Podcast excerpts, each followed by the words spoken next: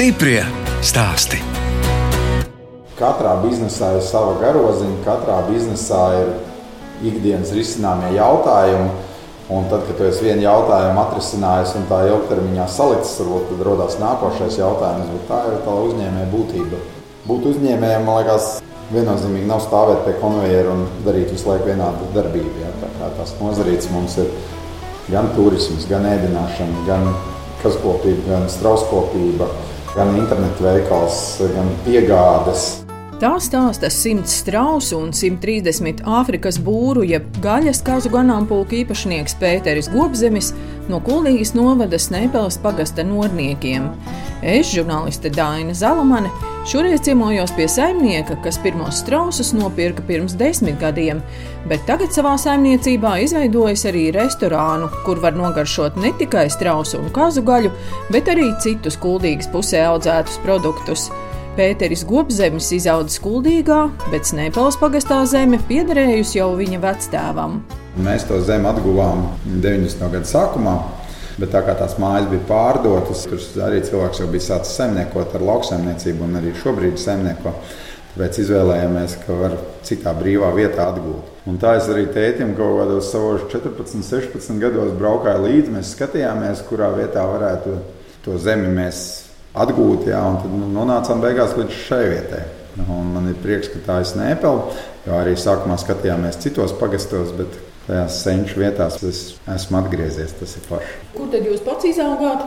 Kuldīgā, bet arī pa vasarām jau tāpat tās bija radis Nēpelē, un sienu talks, un kartupeļu talks, un viss pārējās talks arī tepat tās kaut kur ap Nēpelu grozījās. Un Dzīvē sanāca visādas citādas lietas, pa vidam darīt, un tā aktīvi mēs šeit esam pēdējos desmit gadus tikai. Bet skolas gados, kas jums interesē, nu, jūs tāds garā auguma, varbūt ar sportu nodarbojāties? Jā, jā, ar sportu nodarbojos, un volejbolu spēlēju, un tad pat vienā brīdī bija piedāvājums iet arī uz Mūrjāņu sporta skolu, ja trenēties to volejbolu tālāk, bet kaut kā tā nesalikās, un tas nebija tāds arī aicinājums. Un man arī laikam vairāk patikusi tā darbošanās, jo vienmēr man Māma pieminēja brālēnu labo, kurš lasot grāmatas visu laiku. Man ar to lasīšanu tā nepārāk gāja. Man vairāk bija tā, ka labāk aiziet uz garažiņiem, paskrūvēt riteni, aizbraukt kaut kur. Tā rosīšanās tas ir mans lauciņš vairāk. Kuldīgā jūs mācījāties vidusskolā? Nē, es pēc pamatskolas aizgāju uz Kazdāmas lauksaimniecības tehnikumu. Bet ko tad jūs mācījāties? Lauksaimniecības produkcijas ražošanas tehnoloģijas. Bija 90. gada sākums, kad sapratu, kad sākās zemniekošana. Tad mums bija gan agronomija, gan lopkopība, gan veterinārija, gan dārzkopība, gan mehanizācija, gan melorācija. Nu, viss spektrs, kas tajā brīdī bija likās, kad jābūt, nu, kā tu sāc zemniekot, lai tu varētu visu zināt apmēram. Un tad tās zināšanas no visas pat druskai ir. Jā. Nav viņas specifiskas, bet katrā no tām nozarēm nedaudz orientējies. Tu saproti, kas ir melorācija un saproti, kas ir veterinārija. Un tajā brīdī, kad mēs bijām tehnikumā, bija ļoti aktīva tā ārpus arī mācību dzīve. Tur pasniedzēji organizēja, tur bija geogrāfijas konkurss, vēstures konkurss, tur bija basketbols, mēs starp kursiem spēlējām, volejbols starp kursiem spēlējām. Otrajā kursā mēs arī gan basītī, gan volejbolā sasitām visus ceturtos kursus, bet tas bija tiešām, ka mēs tur visi tā kopā darbojāmies un tad bija foršais laiks. Tur jums tur pārsvarā puiši mācījās? Jā, mēs bijām tikai puikas kursā. Tie lauksaimnieki tas bija tikai puišiem. Jā, ja tur bija mehanizācija, mācīja rīktīgs zemnieks. Tāda bija vesela divu kursa. Tad gadā bija liels pieplūdums, ka mēs beidzām tur lēnām, lēnām viss sāk izzist. Tie bija četri gadi no dzīves ar ļoti foršām atmiņām. Vēl tagad satiekamies ar kursbiedriem. Vasarā tā ir tāda vārdienas ballīte, tad arī daļa no maniem viesiem ir kursbiedri, kuriem mūsu tur ir pēdējos. Ja? Jā, jā. drusku mācījās Lauksaimniecības universitātē Jālgavā ekonomika, ko nevienam šobrīd neiesaka. Es domāju, daudz svarīgāk ir kaut vai mācīt labi virpot, vai pārzināt metāla apstrādi vai stikla apstrādi. Ar lauksaimniecību Pēteris Gobzemis sāka nodarboties pirms desmit gadiem. Pirms tam viņa ģimenei piederēja vairākas grāmatnīcas. Laikam kaut kam ir jābeidzās, lai kaut kas sāktos. Ģimenes biznesa arī bija grāmatnīcas un kancelēs preču veikala, bet tas ar 2008. un 2009. gada krīzi nobankrotēja. Kuldīgā? Jā, nu, ne tikai Kuldīgā. Mums bija grāmatnīcas vairāk gan saldo tukumā. Siguldā. Tā atskatoties, protams, tā ir pieredze un tā ir manas mammas izlolotā lieta, jo viņa visu mūžu ir grāmatnīcā strādājusi. Tāpēc varbūt tās bija arī grūti pieņemt, ka tas iznākums bija tāds. Bet skatoties šobrīd, tas bizness. Nu, viņš ir tāds ļoti liels hobiju bizness. Palikušas tās grāmatnīcas, kam ir pašām izdevniecības un kam tas resurs ir savādāks. Jā, ja tu pats izdod, pats pārdod, tad tu nu vari nopelnīt vairāk. Ja tikai tu nopērci un pārdod, tad tas ir Tā un ar visu internetu un no visām pārējām lietām. Bet tās atkal tik, divas tik dažādas jomas, grāmatas un dzīvnieki. Jā, bet tā lauksaimniecība kaut kur visu laiku man apakšā ir sēdējusi, un laukos man visu laiku ir gribējies kaut ko darīt. Viena lieta beidzās, atbrīvojās laiks galvā un fiziski uzsākt kaut ko. Un vienā no redzes ejietiem satiku savu brālēnu Lunti, kurš šobrīd uh, ražo ļoti foršas lietas no mežrozītēm. Bet tajā brīdī viņš tur runāja par sliekām, par, arī par gliemežiem. Viņš teica, nākamā nedēļa es braucu skatīties, kas traucas audzēm. Un es viņam aizbraucu līdzi, pārējais daudz un dažādas sakritības. Bet, nu, ja nebūtu bijis tā saruna, droši vien viss būtu savādāk. Kur jūs braucāt tos strausus skatīties? Toreiz Jēkabpilī bija tāds mežāris, arī audzēja tajā brīdī strausus. Bet, kā jau teicu, tur daudzas un dažādas sakritības. Tad viens bija izveidojis tukumā arī brauc tur skatīties, bet viņš tur pārcēlās uz Krieviju dzīvot. Viņam vajadzēja ātri pārdot. Viņš samērā lēti pārdeva tajā brīdī. Mēnešu laikā pavasarī uzbūvējām fermu, atvedām no tukuma strausus. 1. aprīlī.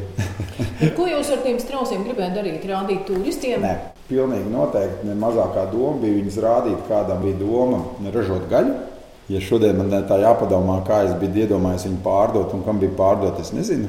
Bet uh, dažreiz man atskatoties uz tām lietām, kas šeit ir notikušās, ir tā, ka ar šīs dienas pieredzi, jā, zināšanām, ko tas prasa un cik daudz, bet laikam tajā brīdī bija labi, ka no tā neko nezinu. bet uh, apņēmība vienmēr bijusi un uh, nav nekad bijusi tā doma tādā īstermiņā. Un vairāk es tāds, tādā darba ziņā esmu tāds maratonists. Stiprie stāsti.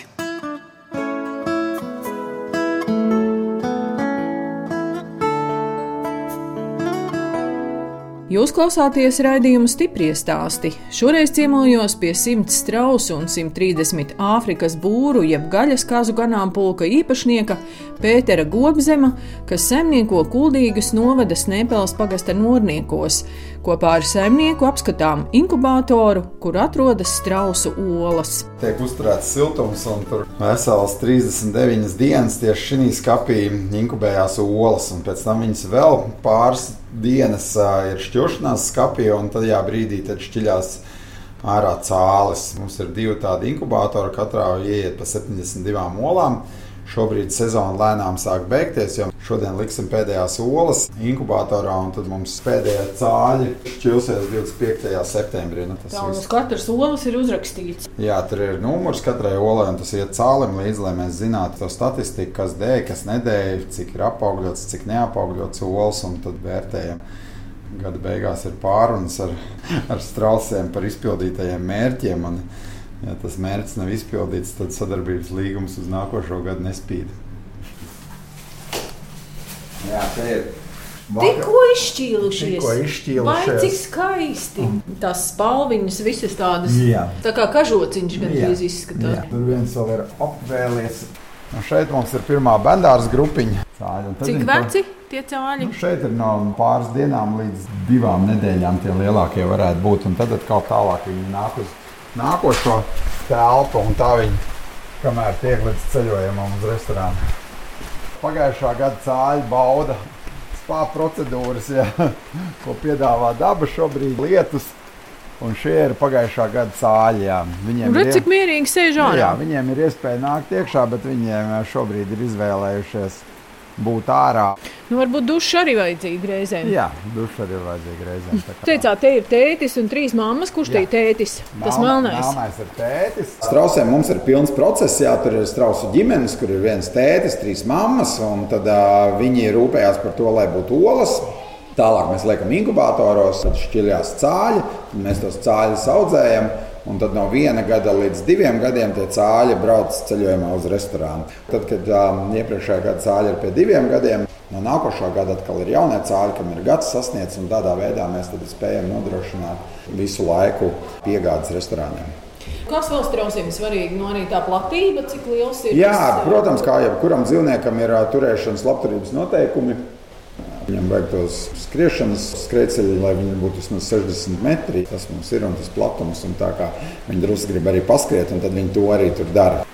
Šie mums ir divi lielākie, un viņiem svars ir ap 160 kg. Man vispār no viņiem tā kā bišķi pat bail. Jā, jā, bet šeit ir droši. Te mēs vedam savus viesus arī. Ir Strausi ir pieraduši. Jā. Pamata barības strausiem ir um, graudi.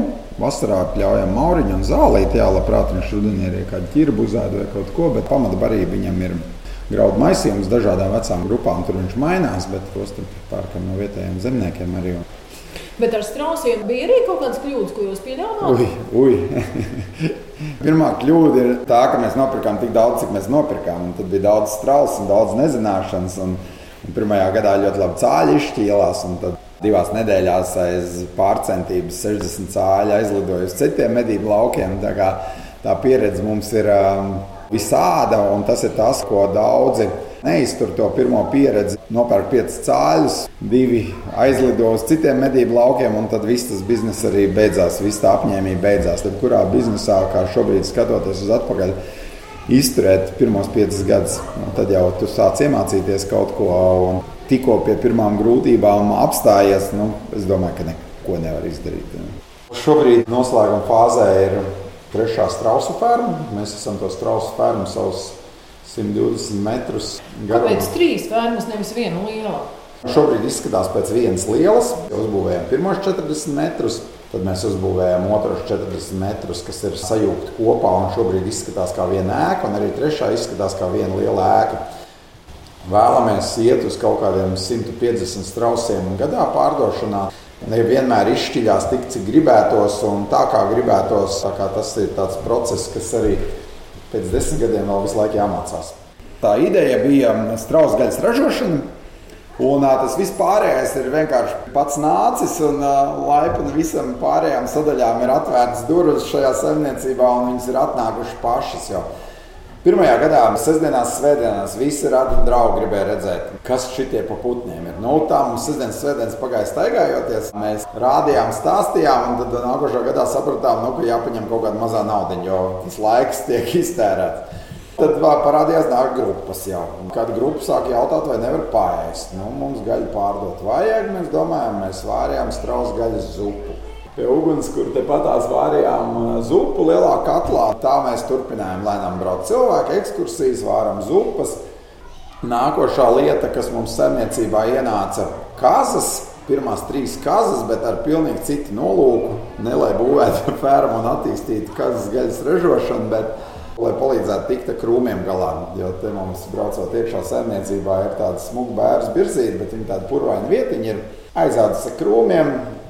Kad pāris gadus pats trimmerēja, tad vēl kādu gadu samaksāja, lai iztrimmerē, un tad sapratu, ka nav riktīgi, kaut kas jāmaina. Sāk interesēties, sapratu, ka kazas grauž kaut ko. Un kāpēc kazas gaļas, lai nav jāslauc? Jā, tieši tā, jo nav laiks no rīta vakarā slaukt sāka interesēties, nonāca, jā, kad ir tās gaļšķirnes kazas. Pēc tam nopirkām divas kaziņas, un tā viņi dzīvojās. Pirmajā gadā laikam divu kazlēnu piedzima, un tad staigāja apkārt, grauza krūmus, puķus un vispārējo. viņi nesmādē neko ar elektrības vadus un tā tālāk. Un tad pirms trījiem gadiem 2017. gadā uzrakstījām projektu jau, ka būvēsim kazu fermu. Kazu fermā sastopam arī bērnus, kas ieradušies apskatīt dzīvniekus. Nu, Šie mums ir kur gaida ballīti, kur sāksies septembrī. Viņa jau savus draugus ir noskatījuši. Šis mums ir atbraucis no Anglijas, jo arī tās burbuļstirnas, kas nav Latvijā un Baltijā, tik izplatītas. Tad eh, tas vesels materiāls bija jāved arī no Anglijas. Tagad arī Izklausās, ka bērni ir sajūsmā. Gaļas kazām raksturīgs tās garās ausis, bet kāpēc viņām ir tādas garas ausis? Es nezinu, kāpēc viņiem ir garas ausis, bet vai tam ir kaut kāds speciāls iemesls. Tā, tādā šķirne ir viņiem tā brūnā galva, baltais ķermenis.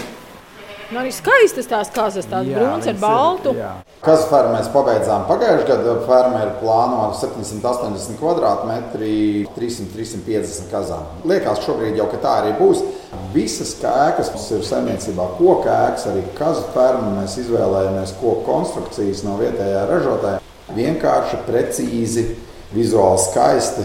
Mums tas bizness ir gan audzēt, gan rādīt, un tā kā viss kopā. Mēs cenšamies, lai tas viss arī ir smuki. Kā stāsta Pēteris Gobzemis, viena lieta ir dzīvniekus izaudzēt, otra lieta - pārdot. Vasarā, kad pirmie strauji bija, tad vienā pasākumā, laikam tas bija kaut kāds bankas pasākums, kur bija Mārtiņš Rītiņš arī. Tad es piegāju klāt un uzrunāju. Viņš teica, nu, labi, ir nākošais nedēļa atbrauc. tā pirmais klients, protams, bija Mārtiņš Rītiņš. Un vienmēr tāpēc arī ir tā, ka man jautā, vai tad ir pieprasījums tai straujas gaļai. Un es noteikti varu pateikt, ja realitātē būtu tā, ka mēs šeit sēdētu meža vidū un gaidītu, kad būtu pieprasījums, noteikti nebūtu. Mēs aktīvi esam par sevi stāstījuši, runājuši, gājuši uz izstādēm, braukuši uz restorāniem. Ko restorāni, es domāju, novērtē, ir tas, ka mums ir regulāras piegādes. Mēs varam piegādāt visu caur sezonu, jo viņiem nedara, ka ir vienas, divas nedēļas, kad nav. Ja tev ir ielikt cēdienu kartē, tad jānodrošina ir, un to mēs veiksmīgi izdarām. Šobrīd ļoti mācos koncentrēties uz kaut kādu vienu lietu, jo man pieņemt kaut ko jaunu pilnīgi nav problēma. Man drīzāk ir problēma kaut ko jaunu nepieņemt. Un jā, tas arī dažreiz nav labi. Tās iesāktās lietas ir jāsakārto, bet uh, gribēt vairāk, augstāk, tālāk, tās vienmēr ir un tad dažreiz sev jāpiebremzē. Jo Tā kā tu brauc un skaties, ko tu gribētu, varbūt tās savādāk vai labāk saņemt, vai tieši otrādi, ko tu esi kaut ko ļoti labi saņēmis kādā vietā, to gribās pārnest pie sevis. Nu, varbūt tās drusku savādākās skaņās un krāsās to iedzīvināt. Jo sākotnēji arī tajā restorānā, tagad skatoties, nu, mums tas ēdiens nebija tik izsmalcināts, bet taisījām tā, kā pašiem garšo, tā kā paši redzējām. Protams, ka daudz arī iedeva tas, ka mēs piegādājam gaļu, jo ienesot um, to gaļu restorānā no tās otras puses, ir acis vaļā, arī daudz ko var ieraudzīt. Pavāri ļoti labprāt, ja viņiem kaut ko pajautā, viņi ļoti labprāt izstāsta, kā viņš to ir dabūjis gatavu un kāpēc tieši tā tas ir un kas tā tāda par mērcīti. Un tad, ja tas paliek atmiņā, tad jau tu zini, ko tu pats varbūt tās no vis tā gribi.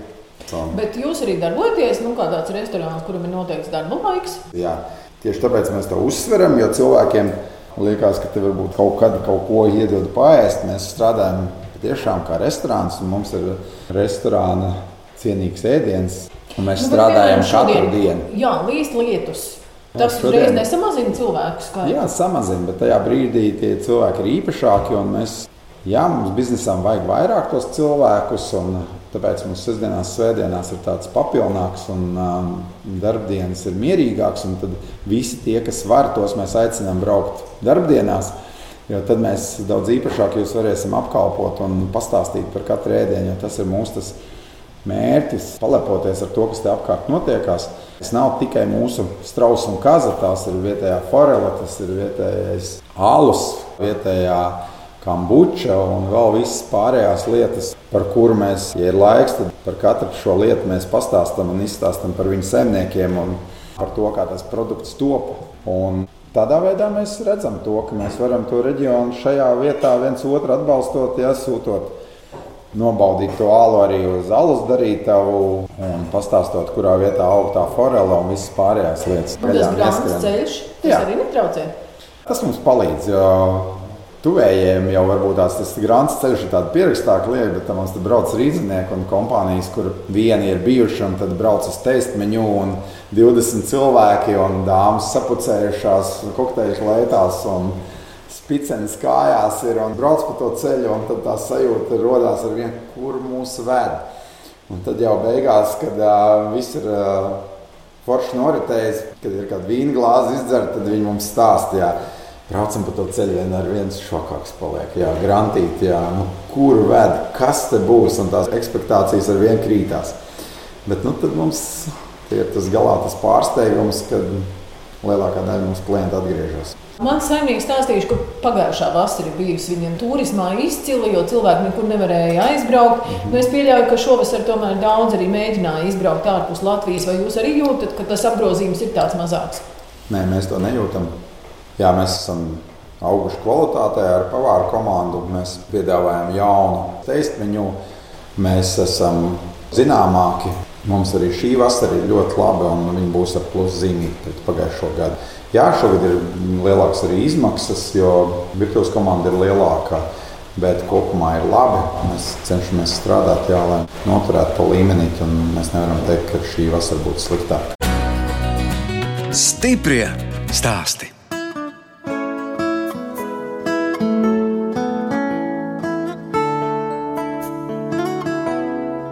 Skan raidījums stipri stāsti. Turpinu ciemoties pie Pētera Gobzema Kuldīgas novada Snēpeles pagasta Norniekos. Viņš ir 100 strausu un 130 Āfrikas būru jeb gaļas kāzu ganāmpulku īpašnieks un savā saimniecībā izveidojis arī restorānu, kura nosaukums ar putniem. Restorāna galdiņi izvietoti stikla siltumnīcā. Tā mēs viņu arī saucam par siltumnīcu. Tikai šeit netiek audzēta tomāti un gurķi, bet eh, šeit tiek ļauts cilvēkiem baudīt ēdienu no mūsu restorāna. Siltumnīcai tā ir tā labā un sliktā lieta, kad ir saulīta, tad ir uzreiz silts. Arī rudenīgos vakaros un ziemā, kad uzspīd saulīte, tad šeit iekšā ir ļoti patīkams. Un jau arī šobrīd mēs esam iededzinājuši gāzes lampu, gan sajūtās siltāk, gan tā fiziski ir siltāk. Tā mēs arī visu caur ziemu darbojamies. Jā, kā, Zīmā arī? Jā, nu, līdz mīnus 5 grādiem te ir tīri forši. Ja paliek augstāks vai ir liels vējš, jā, tad vairs nav tik patīkami. Skaista koka dēļu grīda. Jā. Un arī skaisti no veciem dēļiem gatavoti koka galdi. Jā, jā tas arī viss tepat saimniecībā ir tapis. Kājas ir tepat sametināts dēļ, tepat ir apdedzināti un ieeļoti. Un Tā ideja ir izcelt uh, savas lietas, izcelt vietējās lietas restorānā. Mēs neizstāstām, kas tieši tajā ēdienā ir. Tad ir uh, daudz interesantāk tam cilvēkam baudot to ēdienu, kad tu pieslēdz arī galvu, padomāt, kas tur ir, sajust. Un tajā brīdī, man liekas, ir daudz foršāks baudījums. Nu, karbonāts jūs droši vien šeit nepasniedzat? Diemžēl nē. Strausu gaļa un kazas gaļa tas ir pamats, bet tas nav viss. Restorānam jādzīvo savu dzīvi, un mums ir ļoti laba pavāra komanda. Žants un Judīte no blakus saimniecībām forele tiek izmantota. Un, un tiek marinēti priežu pumpuri, arī pieniņu pumpuri, un visādas un tiek no sienas taisīts saldējums un no egļu skujām. Tas viss tiek radīts. Šobrīd jūs baudat kuldīgā grauzdētu kafiju, kuroniju. Nu, kuldīznieki man vispār tādi lieli patrioti. Nu, jā, ir ar ko lepoties. Pēter, nu tad izstāstiet par savu meitu Gusti. Jā. 12 gadi, gandrīz jau pusaudzi. Ir jā. arī tādi jau pusaudze ar jā, pusaudžu gājieniem. Ir, ir pusaudze. Kaut kas nav viss tā patīk, kaut kas nav viss tā ir druscītiņās par daudz. Jā, ja mēs strādājam katru dienu, un tie cilvēki apgrozās katru dienu tā kustīgā enerģija kaut kādos brīžos ir par daudz. Tāpēc mums daži arī jautā, vai mums būs tāds tā kā viesu mājas. Jā, mums būs brīvdienu māja, bet tādas viesu uzņemšanas kā tādā lielā apjomā. Un dažreiz mums prasa, vai tu nevari palikt ar teltīm vai kaut kā. To mēs tā kā nē, jo lai tie vakari tomēr paliek mums pašiem, jā, jo mēs tāpat tās arī dzīvojam un tajā saimniecībā. Un tas virpulis ir diezgan liels un tas dažreiz nogurdina. Tā kā cenšamies kaut kur kopā izbraukt. Un, apskatīties, un tad jau atkal, atkal ir viss labi. Bet vai jūs tā varat vispār uzņēmējs, kas arī nu, nodarbojas ar ēdināšanu, jūs tā varat jau pamest visu, ir kam uzticēt to visu? Tā komanda augam kopā, veidojamies. Ir nozarīts, jā, kur varam, un ir nozarīts, kur vēl nevaram. Bet tas mērķis ir salikt tā un meklēt tos cilvēkus, tie, kas var, lai mēs varētu arī aizbraukt. Rudenī tam mums ir tāda Nu, varētu teikt, tradīcija ar vienu gadu iztrūkumu ar Covid dēļ, ka mēs vienkārši aizbraucam uz Turciju, neko nedarīt. Tiešām uzsvars ir uz neko nedarīt, laikam, jo pat negribās tur braukt kaut kādās ekskursijās, tur vienkārši pabaudīt sauli, baseinu un pagulēt un tā mierīgi. Ne par ko nedomāt, jo no rīta jāpieceļās. Galvenais ir jāiet nopeldēties, jāiziet pabrokastot, jāiedzer rīta kafiju, jāpaguļ pie baseina pēc 51 nedēļas darbā nodara tā viena nedēļa. Ir kaut kādas lietas, ko gribētos vēl, bet par to es ļoti daudz šobrīd arī cenšos domāt. Tieši tāpēc jau ir jāveido tā komanda, lai katrs būtu tajā savā vietiņā un būtu tās atbildības. Bet tas mums, tas mums vēl ir jāmācās. Jā. Bet kā speciālisti mums ir ļoti labi cilvēki un katrs to savu lietu zina. Vairāk ir jāsaorganizē jau visas tās nozarītes kopā, kas kurā brīdī ko dara, kas notiek, ja līst lietas un kas notiek, ja nelīst. Tas, laikam, ir tas lielākais izaicinājums, ko ne, ne kurš katrs var. Daudz vienkāršāk ir monotālu darbu darīt, un tas, ka tam uzņēmējam Visu laiku ir pārmaiņas. Laukos tomēr ir diezgan liela problēma. Atrast tos cilvēkus, atrast pavārus, kas mākslā gatavot strausa gaļu, kazas gaļu. Mm. Kā bija? Komanda, viss, kas mums ir, mums ir veidojusies ļoti lēnām. Ir nākuši cilvēki, gājuši. Tādā veidā tā komanda ir salasījusies. Mums ir tiešām lepojas ar visiem tiem cilvēkiem, kas pie mums strādā. No Kuldīgas brauc vai vietējais? No Kuldīgas, no Turlaus, no Snēpels, no apkārtnes. Tagad jau laikam īsti vairs tam attālumam, saprāt, robežās vairs nav nozīme.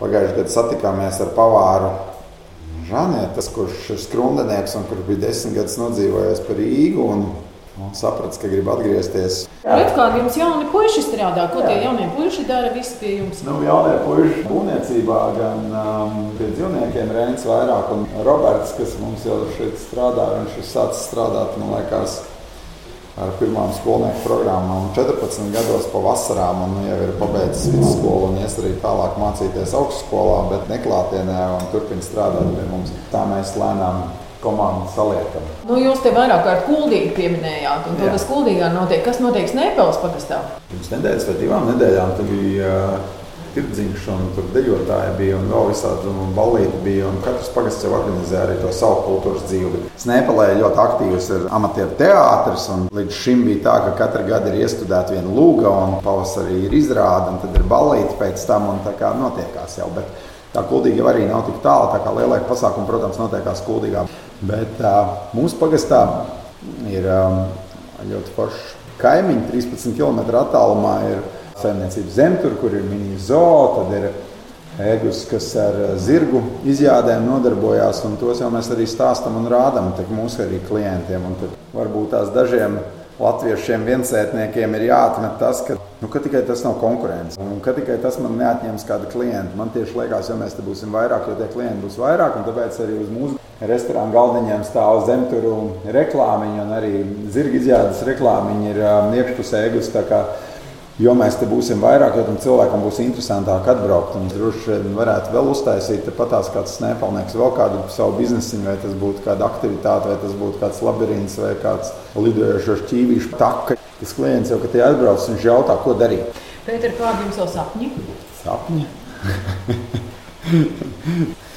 ir, ir sapņi netrūkst, kā es teicu, man jau jaunas idejas netrūkst. Un Saimniecībā mums tiešām ir daudz lietas, kas vēl jāsakārto. Mums nav tehnikas novietni, mums nav barības glabātuves. Mums ir jādomā par varbūt mazo pārstrādi, jo mums zeme nav daudz. Tas mūsu produkts vērtība viņam jāpievieno šeit uz vietas, jo viņš nav tik daudz, lai taisītu varbūt tās eksportam vai vēl kaut kam. Tad ievakumot tieši to kazas gabaliņu vai strausu gabaliņu, ko klients vēlās, un uh, ievakumot viņu tieši tādu, un ievakumot viņu varbūt tās tieši vienā porcijā. Un, tieši tādā marinādītē, kā, kā mūsu pavārs ir izdomājis to labāko, un lai viņam vakariņās nebūtu jāsāk dalīt kaza un jādomā, kurš gabals kam no derēt. Ja viņš ir pasūtījis, ka viņš grib zupai, koliņas un ribiņas, tad mēs viņam aizvedīsim zupai. Ja viņš grib uzcept steiku, tad mēs viņam aizvedīsim steiku gabalu. Ja viņš grib tartaru uztaisīt, tad mēs viņam aizvedīsim tartaru. Un, un jau mērcīti un um, grauzdētās sīpols, lai viņam jau kaut kādas pamatlietas, ko pielikt pie tās startera gaļas būtu. Jau.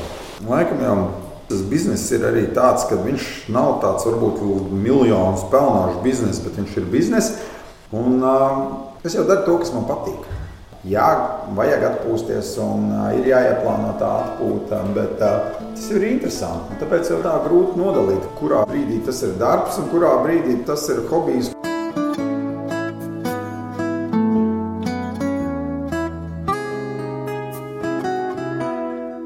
Radījums stipri stāsti izskan, un mēs atvadāmies no Pētera Gobzema, kas Kuldīgas novada Snēpeles pagasta norniekos audzēja strausus un gaļas kazas, uzņem turistus un atvēris restorānu. No jums atvedās žurnāliste Dāna Zalamane un operātore Inga Bēdele, lai tiktos atkal tieši pēc nedēļas.